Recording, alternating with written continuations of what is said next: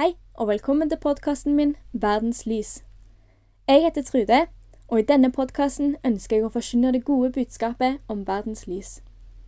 Jeg håper du som hører på, vil kjenne deg utfordra og motivert til å leve som et Jesu lys hele uka, uansett hvor du befinner deg. Dagens episode er et opptak fra en tale jeg hadde 13.6 på Frelsesarmeen i Stavanger. Teksten som jeg taler ut fra, finner du i Johannes 1, vers 35-51, og der står det følgende. Dagen etter sto Johannes der igjen sammen med to av disiplene sine.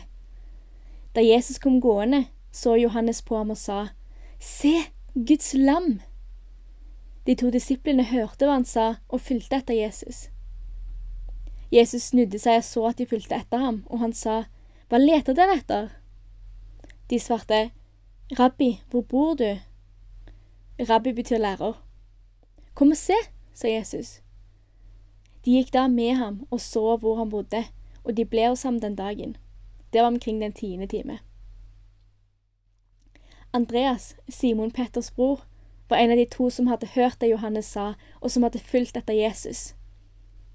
Han fant nå først sin bror Simon og sa til han, Vi har funnet Messias! Messias betyr den salvede. Så førte han Simon til Jesus. Jesus så på han og sa, Du er Simon, sønn av Johannes. Du skal hete Kefas. Det er det samme som Peter. Dagen etter ville Jesus dra til Galilea. Da fant han Philip og sa til ham, Følg meg! Philip var fra Betzaida, den byen Peter og Andreas var fra. Philip traff Nathanael og sa til ham, Vi har funnet ham som Moses har skrevet om i loven, og som profeten har skrevet om. Det er Jesus fra Nasaret, Josefs sønn. Kan det komme noe godt fra Nasaret? sa Nathanael. Philip svarte, Kom og se. Jesus så Nathanael komme gående og sa, Se, der er en sann israelitt, en som er uten svik. Hvor kjenner du meg fra? spurte Nathanael.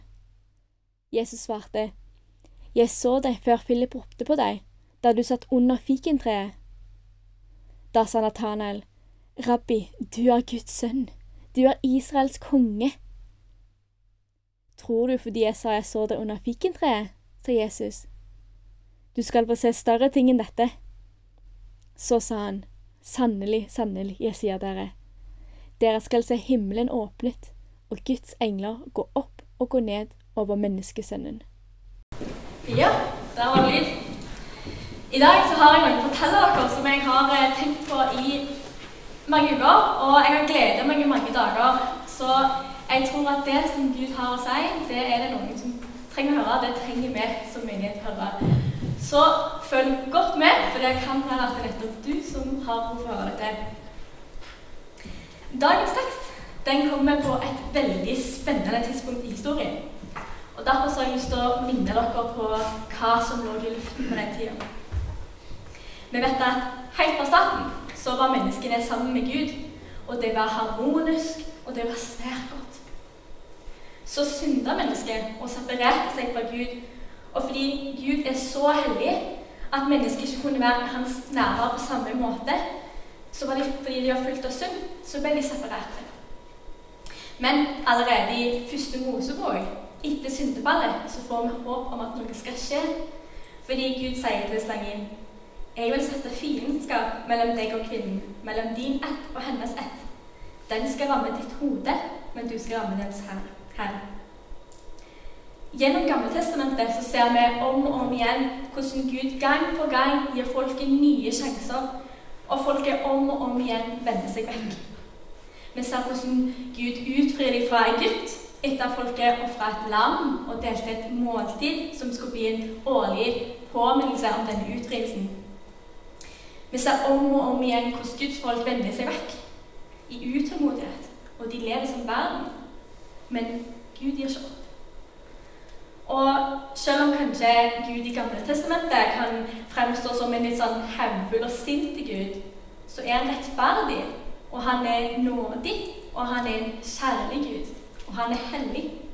Så hellig at mennesket ikke kan se ansiktet hans. ut fordi det tåler ikke. De er så gjennomsyra synd. Så får vi en periode med masse profeter som taler om Masias som skal komme igjen og seire. Han skulle skyte opp som et rotskudd av tørr jord. En som skulle ta på vår skyld. En konge. Etter flere hundre år så er folk under Romerrikets herredømme, og nå går de og venter på denne kongen som skal komme. En kongen som skal fri de ut. En skikkelig Messias-forventning i lufta. Og nå, når skulle denne kongen komme for å redde dem? De går og venter. Det må jo skje snart. I Johannes, der som vi finner dagens tekst, der begynner evangeliet med å flette inn Jesus i skapelseshistorien.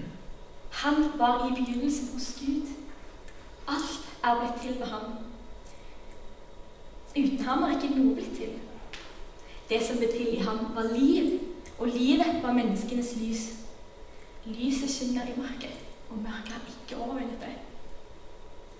De første versene i dette evangeliet gir en mektig introduksjon til Jesus.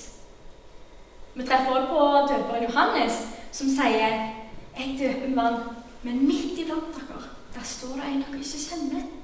Han som kommer etter meg. Han som jeg ikke er verdig til å løse sandalrammen for. Og så leser vi dagens tekst. Dagen etter sto Johannes der sammen med to av disiplene sine. Da kommer Jesus gående. Så Johannes på ham og sa, 'Se, Guds lam!' Johannes ser nå at Guds herlighet har kommet midt iblant dem. Der er lammet. Dette lammet er mye større enn det lammet som de ofra ved utfrielsen av Egypt. Fordi dette lammet utfrir oss for alltid. Det er det eneste lammet som kan gjøre oss helt frie. Ofringen som vi leser om i Gammeltestamentet, det var midlertidig. Men dette nye lammet det bryter alle lenker for alltid. Det må ha vært kjempestort for Johannes. Det øyeblikket han innså hvem som sto foran ham. Nå hadde Guds rike endelig kommet der. Og det var bare så sterkt at disiplene bare måtte følge ham når han kom der og sa at de skulle følge ham. Jesus snudde seg og så at de fulgte etter ham, og han sa, 'Hva leter dere etter?' De svarte, 'Rabbi, hvor bor du?' Rabbi, det betyr lærer. En rabbi var veldig sett opp der på denne tiden. Det var en ærestittel. En rabbi kjente den jødiske loven og hadde en religiøs autoritet. Vi leser fra vers 40 at det står Andreas, Simon Peters bror, var en av de som hadde hørt det Johannes sa, og som hadde fulgt etter Jesus. Han fant nå først sin bror Simon og sa til ham, 'Vi har funnet Messias!' Messias betyr den salvede. Og dette er en tittel på Israels konge, som var salva og innvia til sin stilling. I jødedommen så ble Messias en veldig viktig tittel, et viktig navn på frelseren som de venta skulle komme og gjennomrette Davids rike i makt og herlighet. Messias har i Nytestamentet fått et gresk navn som jeg ikke skal prøve å uttale, men som er oversatt på norsk til Kristus. Så når vi sier Jesus Kristus, så sier vi altså Jesus, Israels konge, frelseren som gjenoppretter riket. Og vi leser senere at Nathanael sier, 'Rabbi, du er Guds sønn, Israels konge.' Og Jesus han kaller seg for menneskesønnen.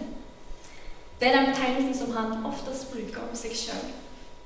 I Gammeltestamentet blir det talt om en som var lik en menneskesønn, og som har del i guddommelig makt og velde. Og denne tittelen her, den ble brukt i tre ulike eh, sammenhenger. Den ble brukt om en himmelsk frelserskikkelse, som i de siste tider skal åpenbares og holde dom. Den ble brukt om menneskesønnen som skal forkastes, lide og dø, og om menneskesønnens liv og gjerning på jorden. Og når disiplene ser Jesus, så må de jo bare se en herlighet. Fordi når Jesus sier 'følg meg', så gjør de det. De ser at Guds rike, det har kommet. Om dette så vil jeg spørre deg om noe. Hvem sier du at Jesus er? Er du enig med disiplene? Er han Guds lam? Er han Messias? Er han Jesus Kristus? Er han menneskesønnen? Hvem sier du at Jesus er? Tenk på det. Kanskje han er enda mer enn det som står i teksten for deg. Hvem sier du at Jesus er? Og så vil jeg spørre deg et spørsmål som du må ta videre og reflektere på. Og det er hvem sier livet ditt at Jesus er?